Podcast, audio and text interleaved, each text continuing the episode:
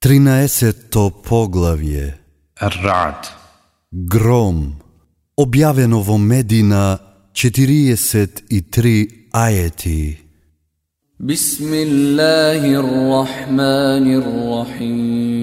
Во името на Аллах се милосниот, милостивиот. Елиф Лам Мим Ра. Ова се аети од книгата, а тоа што ти се објавува од Господарот Твој е вистина, но мноштвото луѓе не веруваат.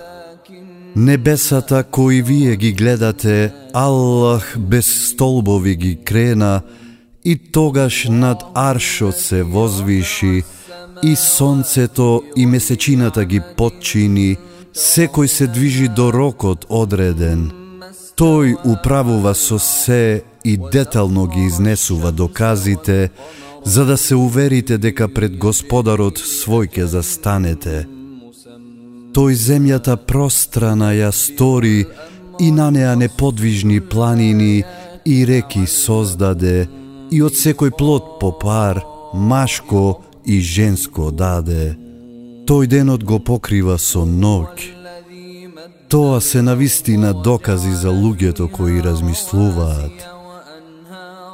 На земјата има предели кои едни со други граничат и градини има со лоза засадени и ниви и палми со повеќе изданоци и само со еден, иако ја впиваат истата вода, плодот на едните го прави ме повкусен од другите. Тоа се навистина докази за луѓето кои имаат памет. А ако се чудиш, а чудо се зборовите нивни, зарем навистина кога земја ќе станеме, повторно ќе бидеме создадени? Тие во Господарот свој не веруваат, на нивните вратови синџири ќе имаат, и тие жители на Джехеннемот ќе бидат, во него вечно ке останат. Тие од тебе го избрзуваат злото пред доброто, а имаше казни и пред нив. Господарот твој на луѓето им простува и покрај нивната неправда, но Господарот твој на вистина и стравично казнува. А тие што не веруваат, велат, Зошто Господарот негов не му испрати чудо? Твое е да опоменуваш, а секој народ го имал тој што на вистинскиот пат го упатувал.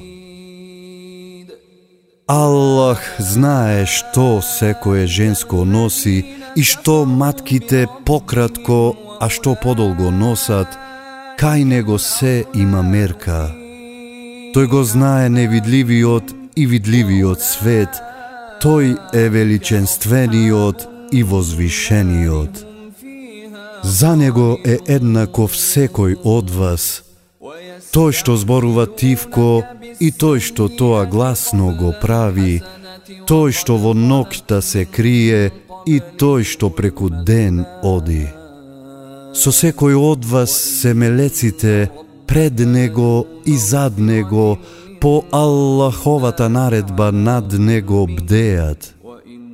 Аллах нема да измени еден народ додека тој самиот не се измени. А кога Аллах сака еден народ да казни, никој не може тоа да го спречи, освен него му нема заштитник. Тој ви ја покажува молњата, за да се исплашите и да се надевате, и тој ги создава тешките облаци. И грмежите го величаат и му заблагодаруваат, а и мелеците од стравопочит кон него. Тој ги испраќа громовите и со нив удира кого сака. Тие повторно расправаат за Аллах, а тој може се.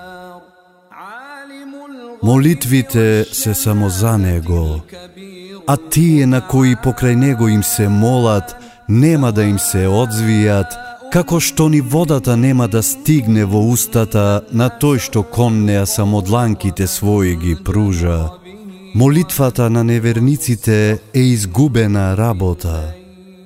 На Аллах чинејки сеџда, му се покорува се што е на небесата и на земјата, сакале или не сакале, а и сенките нивни наутро и приквечер.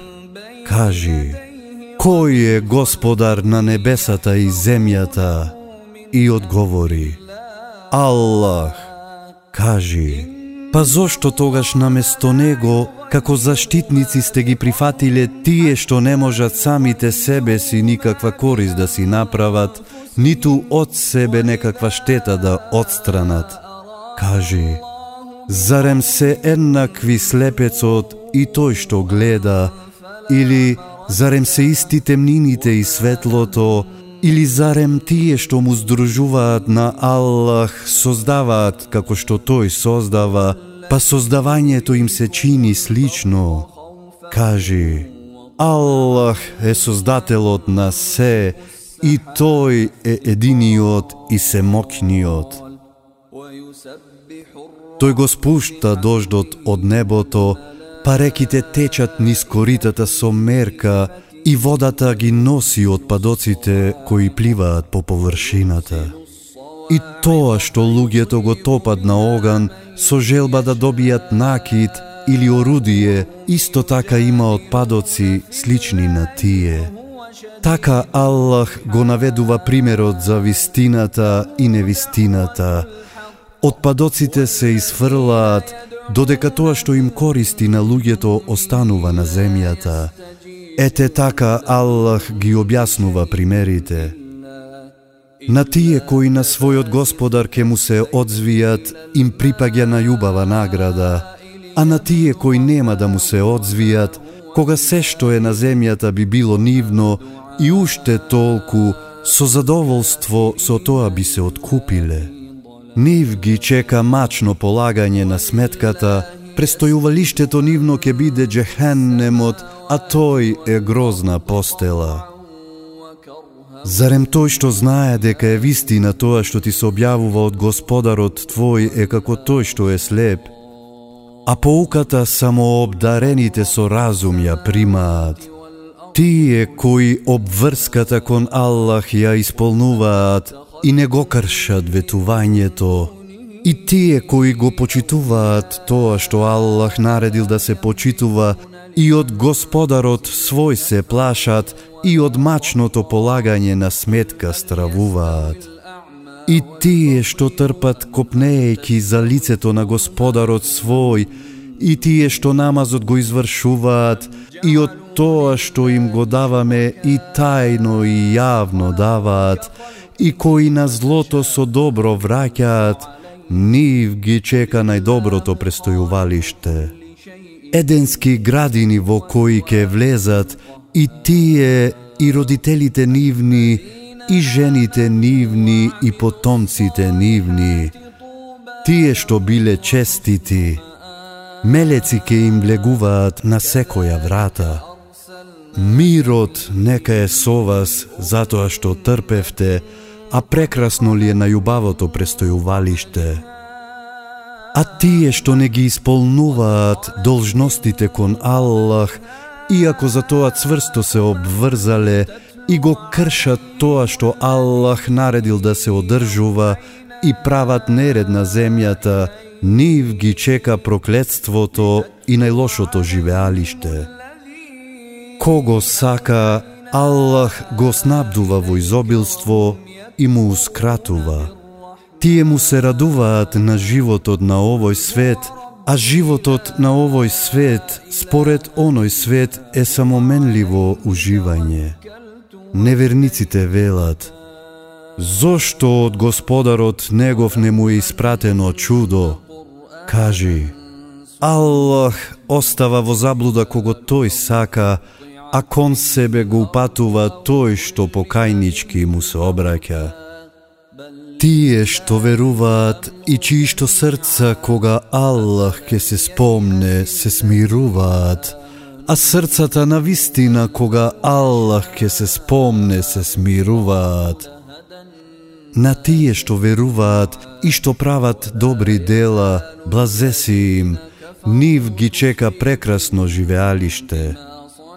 И така те испративме на народот пред кого биле и исчезнале други народи, да им го кажуваш тоа што ти го објавуваме, бидејќи тие не веруваат во Семилосниот. Кажи, Тој е Господарот мој, нема друг Бог освен Него, на Него се подпирам и на Него му се обраќам.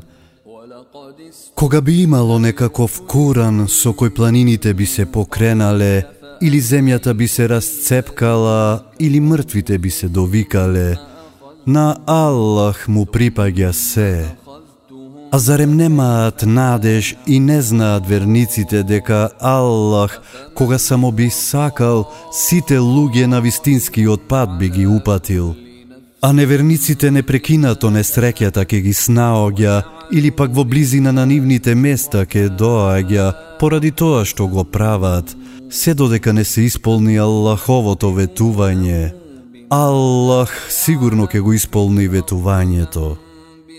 И пред тебе пратениците беа исмејувани, па јас на тие што не веруваа време им оставав и потоа ги казнував, а каква ли само беше мојата казна? Зарем тој што бдее над секого, што и да направи е како тој што не е во состојба тоа да го направи, а на Аллах му припишаа здруженици. Кажи, именувајте ги. Зарем вие сакате него да го учите, како тој да не знае што има на земјата, или вие само така ги нарекувате? На тие што не веруваат им изгледа убаво интригата нивна, и тие заталкале од вистинскиот пат. А тој што Аллах ќе го остави во заблуда, нема да има некој на вистинскиот пат да го упати. Тие во животот на овој свет ќе бидат мачени, но страдањето на оној свет сигурно ќе биде потешко, од Аллах никој нема да ги одбрани. Ваков дженнет им е ветен на тие што ќе се плашат од Аллах. Градини со реки, со плодови кои секогаш ќе ги има и со трајна сенка. Тоа ќе им биде награда на тие што ќе се чуваат од гревот, а на неверниците огнот ќе им биде казна. Некои од тие на кои им ја дадовме книгата се радуваат на се што ти објавуваме тебе, но некои противници не признаваат нешто од објавата. Кажи, мене ми е наредено само Аллах да го обожувам и да не му припишувам здруженик. Кон не го повикувам и нему му се враќам. И ние така како мудро го Куранот на арапски јазик. А кога би им се покорувал на нивните желби од како ти дошло сознанието, ти не би имал ни заштитник, ни бранител од Аллах. И пред тебе сме испраќале пратеници и жени и потомци сме им давале. И ниту еден пратеник не донел никакво чудо од себе, туку со Аллахова волја. Секој период имал книга. Аллах укинувал што сакал, а оставал што сакал. Кај него е главната книга. Било да ти покажеме дел од тоа со што им се закануваме, било животот да ти го одземеме, твое е да објавуваш а наше е да бараме полагање на сметката. Зарем тие не гледаат дека ние земјата им ја стеснуваме, намалувајќи им ги пограничните области, а Аллах суди.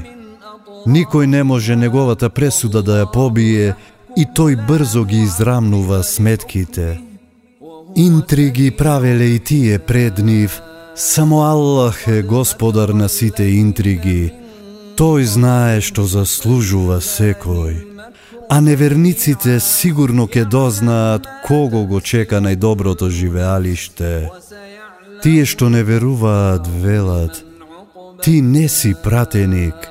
Кажи, Мене и вам доволен ке ни биде Аллах како сведок и тој што го има знаењето за книгата. وبينكم ومن عنده علم الكتاب.